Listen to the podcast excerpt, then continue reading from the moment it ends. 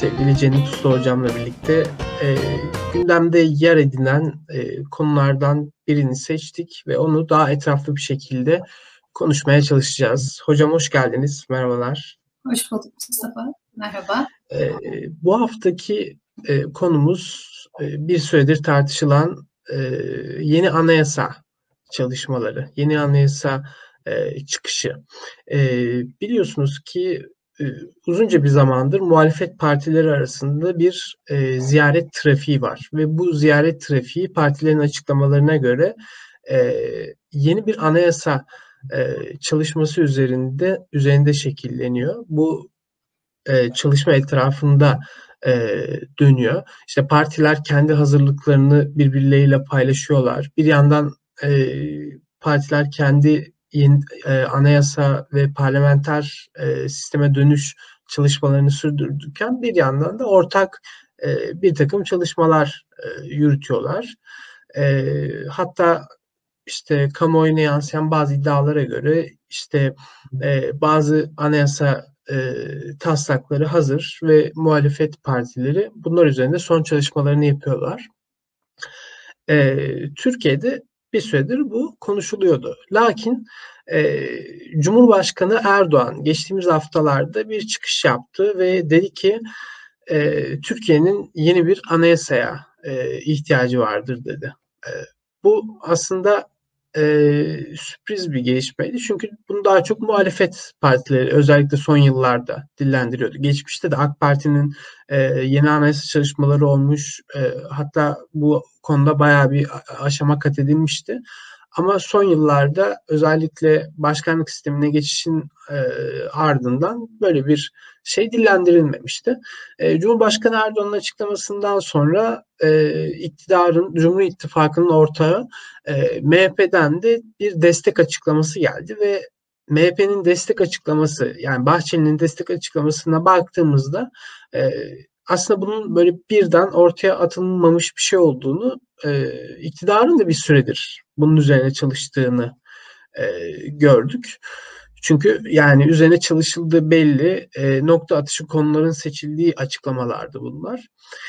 E, evet Cennet Hocam size şunu sormak istiyorum. Türkiye'nin e, yeni bir anayasaya ihtiyacı olduğu herhalde herkes tarafından e, kabul edilir. Fakat e, sizce Türkiye'de e, yeni demokratik ve özgürlükçü bir anayasayı e, kim yapabilir ya da nasıl yapabilir? Ee, bu e, kim yapabilir, nasıl yapabilir sorusu çok kapsamlı bir soru. Ee, ondan önce belki şuradan başlayabiliriz. Ee, senin vurguladığın gibi e, iktidar neden anayasa gündeme getirdi, yeni bir anayasayı gündeme getirdi meselesi çok konuşuluyor. E, konuşmanda muhalefet partilerinin bir anayasa çalışmasına atıf yaptım. Hakikaten de e, muhalefet partileri mevcut Cumhurbaşkanlığı sistemine alternatif olarak güçlendirilmiş bir parlamenter sistem üzerinde onun ana ilkeleri çerçevesi konusunda bir çalışma başlattı karşılıklı görüşmeler üzerinden. Ee, ve bu parlamenter sisteme dönüş, güçlendirilmiş parlamenter sisteme dönüş muhalefet partilerinin e, temel ittifak konusu. Yani bunun üzerinde ittifak ediyorlar. O yüzden bu çok önemli gerçekten de. E, muhalefeti birleştiren bir çekim merkezi gibi çünkü partiler doğal olarak farklı kimlikleri, ideolojileri vesaireleri temsil ediyorlar. Toplumsal tabanları farklı, birbiriyle uyuşmayan gruplar, karşıt konumlanmış grupları, kimlikleri, ideolojileri temsil ediyorlar.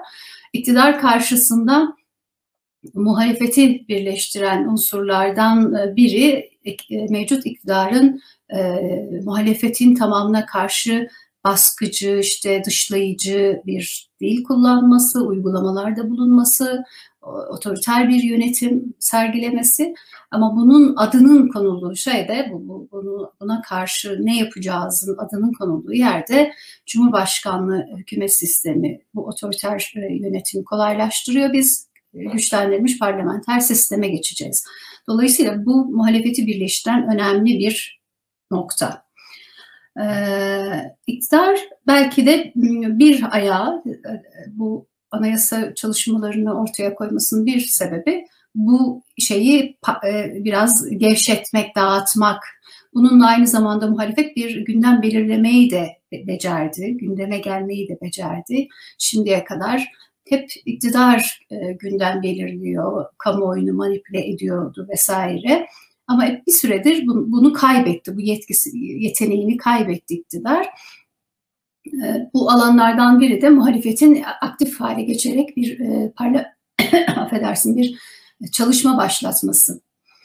E, bu yeni anayasa şeyini e, ateşlendiren unsurlardan birisi de bu olabilir hakikaten senin de affedersin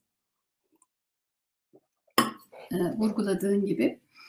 Şimdi e, haklısın. De, e, Türkiye'de bir anayasa ihtiyacı var ama bu ihtiyaç şu anda e, toplum kesimleri tarafından acil bir ihtiyaç olarak görülmüyor. Sürekli bir arka planda duran bir yeni anayasa fikri her zaman oldu. E, ama mesela e, AK Parti'nin e, ilk dönemi e, yani hani daha demokratik şeyleri savunduğu ve uyguladığı dönemiyle ikinci dönemini ayırırsak ilk döneminde hakikaten e, geniş bir e, talep oluşmuştu. Siyasi partiler buna dahil olmuştu. Anayasa komisyonu kurulmuştu. Mecliste epey madde üzerinde uzlaşılmıştı vesaire. Sonra e, kadük kaldı. İşte herkes birbirini suçluyor. İktidar CHP'yi falan suçladı. O diğerlerini neyse. Orada bayağı toplum, bütün toplum kesimleri, üniversiteler, STK'lar, iş örgütleri, iş, e, işçi örgütleri, herkesin dahil olduğu e, 4-5 yıl süren en az bir e, anayasa tartışması öyle mi olsun böyle mi olsun yaptık gerçekten de. E, ama şu anda e, gerçekten bir e, anayasa meselesi toplumun gündeminde bu anlamda değil. Yani e, yeni bir anayasa yapmak gündemde değil. Cumhurbaşkanlığı sisteminin e, arazı ortada. Onu düzeltmek için parlamenter sisteme geri dönüş muhalefeti birleştiren bir şey ama bu temelde e, diğer ekonomik ve sosyal sorunlarla birlikte muhalefet tarafından gündeme getiriliyor sürekli. Yani işsizlik, enflasyon, ondan sonra işte sağlıkla ilgili, pandemiyle ilgili kötü yönetim, intiharlar vesaire. Onu, onunla birlikte işleyen bir şey. Muhalefetin tamamı bu gündeme odaklı değil. Tam tersi ekonomi ve sosyal meselelere daha fazla odaklı. E, güçlendirilmiş parlamenter sistem biraz geleceğe dönük muhalefet e, iktidarı ele, elde ederse e, ne yapacağıza dair daha ileriye yönelik bir şey. Şimdi e, burada e, temel e, iktidar iktidar temel sorunları, temel ekonomik ve sosyal sorunları çözme konusunda ciddi sıkıntı yaşıyor. E, bazıları bunu bir gündem değiştirme olarak e, görüyor. Ama ben bir bu işe de yarıyor olabilir ama temel motivasyonun bu olduğunu düşünmüyorum. Bence burada bir senin söylediğin gibi e, muhalefetin e, elindeki bu birleştirici mıknatısı bir almak, dağıtmaya çalışmak, almak, etkiyi, oradaki birleştirici gücü zayıflatmaya çalışmak. Çünkü bilemiyoruz belki sonra parlamenter sisteme dair bir şey de söyleyebilirler. Bu biliyorsun 50 artı 1 ile ilgili sıkıntılar var, onu düşürmek vesaire.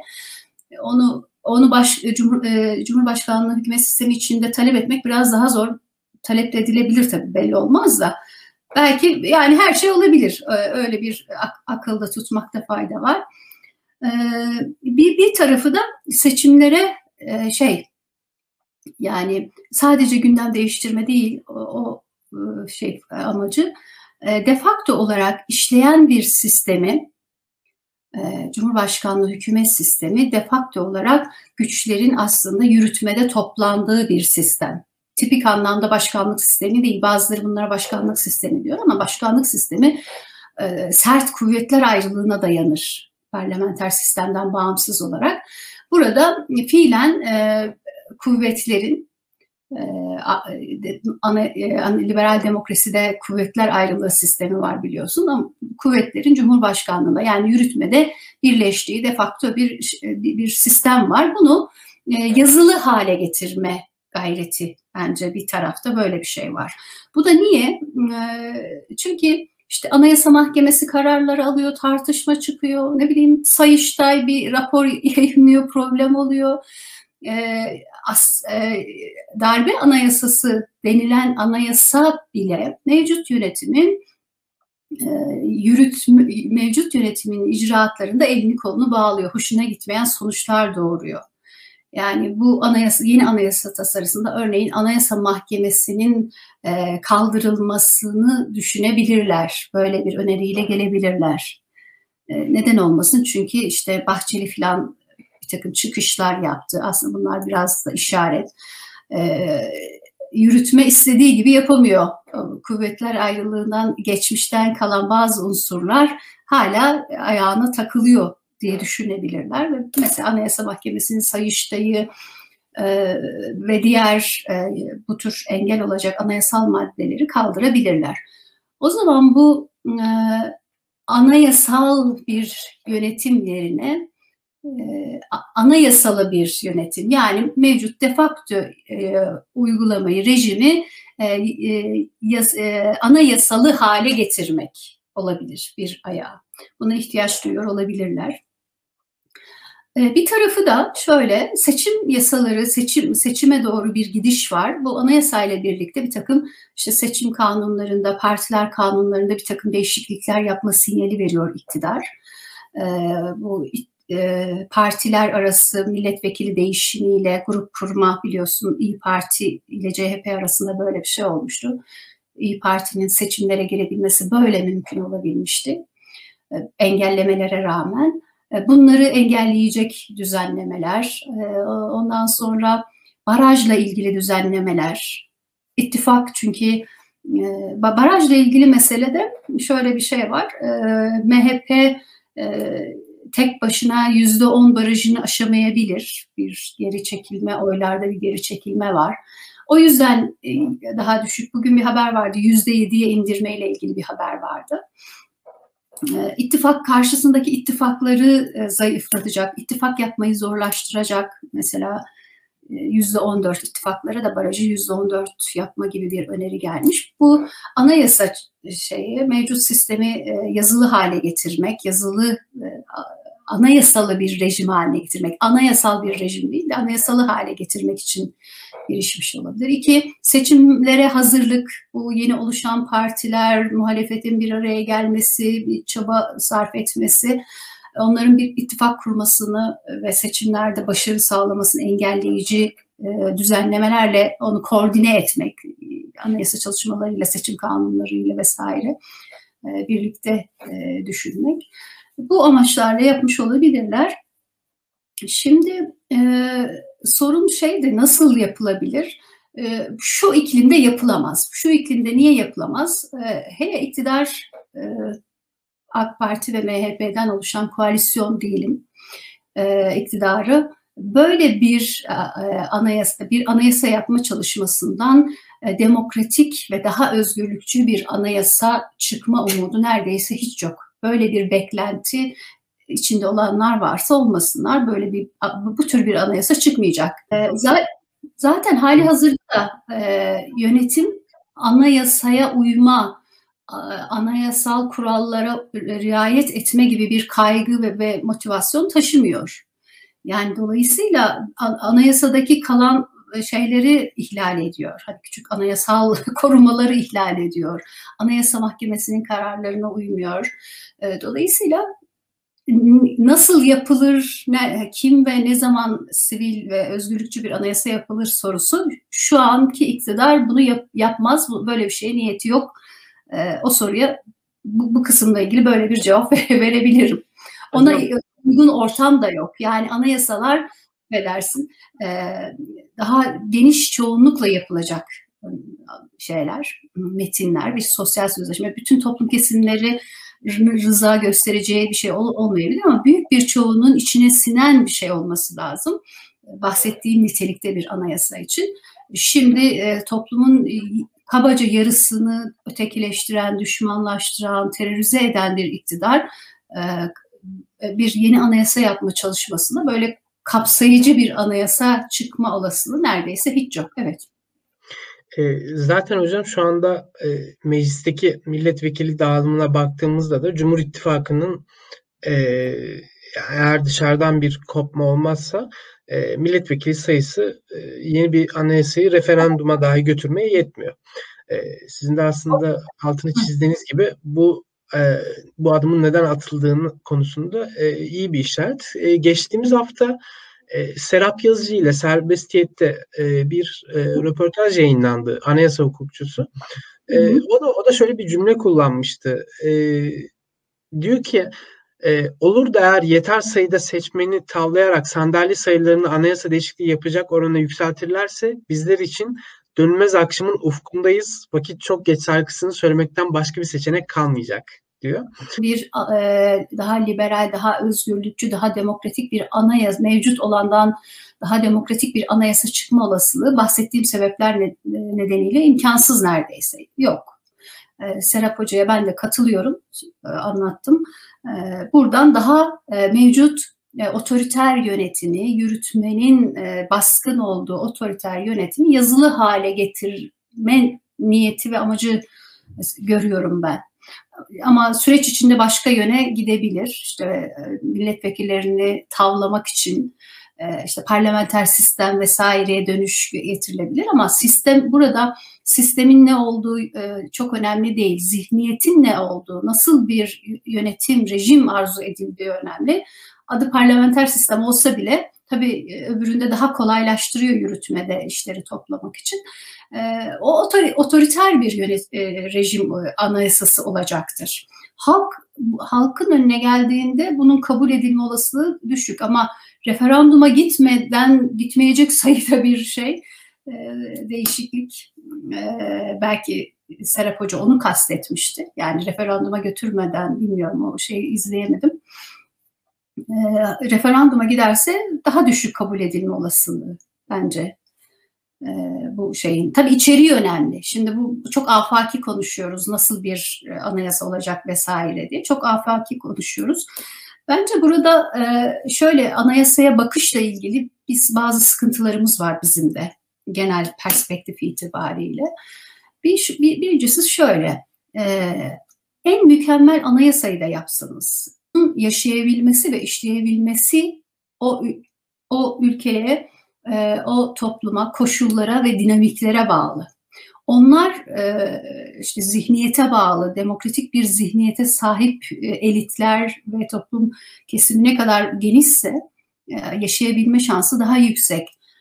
Güç dengesi, toplumdaki güç dengesi aslında anayasalar bu kuvvetler ayrılığı meselesi vesaire de biraz farklı toplum kesimleri arasında bir güç dengesini sağlamaya dönüktür e, e, dönük düzenlenmiştir. Bu kuvvetler ayrılığı mesela işte farklı meclisler, geçmişi var biliyorsun bunun Roma'da e, Roma'dan gelen işte Senato, Halk Meclisi soylularla avam arasında bir denge bularak onları temsil ederek ikisinin de çıkarlarını kedi bu arada geçiyor ikisinin de çıkarlarını dikkate alacak bir anayasa oluşturmak. Mustafa dondun galiba. Ben kendi kendime konuşuyorum burada. Mustafa dondun mu?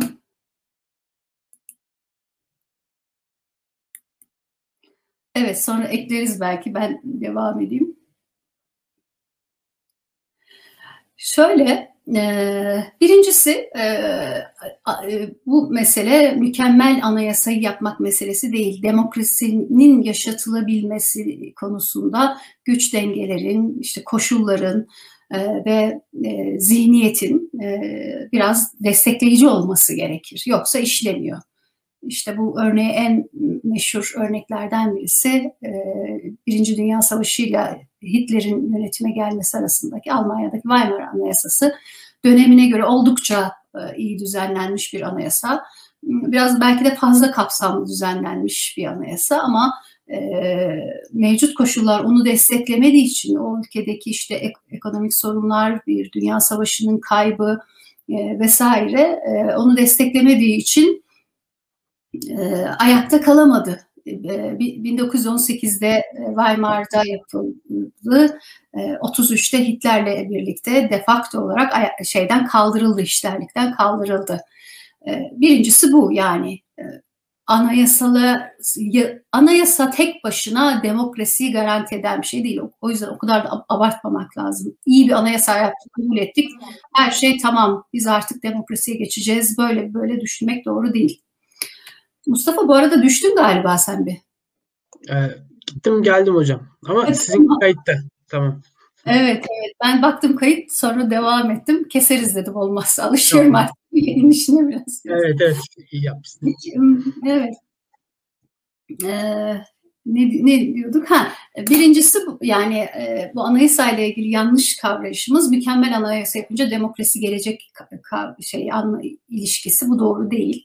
Önemli ama tek faktör değil. Anayasada ne yazdığı, işte şu anda fiilen yaşıyoruz. Anayasa Mahkemesi'nin kararları zor, uyulması zorunlu olduğu halde anayasada uyulmuyor. Yani bu güç ilişkisiyle ilgili, bunu yapabiliyor olmakla ilgili hep İngiltere örnek verilir. Orada yazılı olmasa bile demokrasiyi işleten kurallar var ve uyuyor kimse. Uyumama gibi bir şey aklından geçiremiyor. Birincisi bu. İkincisi bu şeyle ilgili anayasayı öyle bir yapalım ki hiç bir şey açıkta kalmasın, soru açıkta kalmasın. Bu da biraz kapsamlı anayasa aşkı. Yani şu da olmasın, bu da olmasın. Böylece e, geniş bir metin, işte ekonomi politikalarından, ormancılıktan e, tutun her ola, siyaseten ortaya çıkabilecek pek çok soruna bir cevap veren anayasa. Bu da hatalı bir perspektif. Çünkü o zaman siyasete alan kalmıyor. Anayasalar genel çerçeveyi belirler. Daha temel senin söylediğin gibi hak ve özgürlükleri, e, bunları bunlarla ilgili korumaları e, belirleyen ülkenin işte yönetiminin, rejiminin yetki, sorun ve sorumluluklarını düzenleyen iki ayağı oluyor genellikle anayasaların. Bir hak ve özgürlüklerle ilgili korumalar, düzenlemeler, bir de e, devlet sisteminin işleyişi, hükümet sisteminin işleyişi, yetki, sorunlar, kurumlarla ilgili düzenlemeler. Daha temel düzeyde kalmak lazım. Her şeyi buraya yazalım da tartış kalmasın diye. Böyle bu, bu, bu zihniyette de insanlar e, anayasa yapma gücüne sahip olan insanlar kendi doğru politikalarını anayasal hale getirmeye çalışıyorlar. Şişiyor anayasalar. O da işlemiyor. Çünkü işte partiler var, hükümete geliyorlar vesaire. E, anayasalar sıkıştırılıyor. Bu yüzden o anayasalar e, sürekli değişiyor, işlemiyor. Bizim 82 Anayasası'nda yaşadığımız şeyle problemlerden birisi de buydu mesela. Ee, bir e, şey bir de şöyle bir şey var. Bir de bunu da ekleyelim anayasayla ilgili. Bir anayasayı sıfırdan yapmak çok nadir bir şey. Olağanüstü bir durum gerektirir.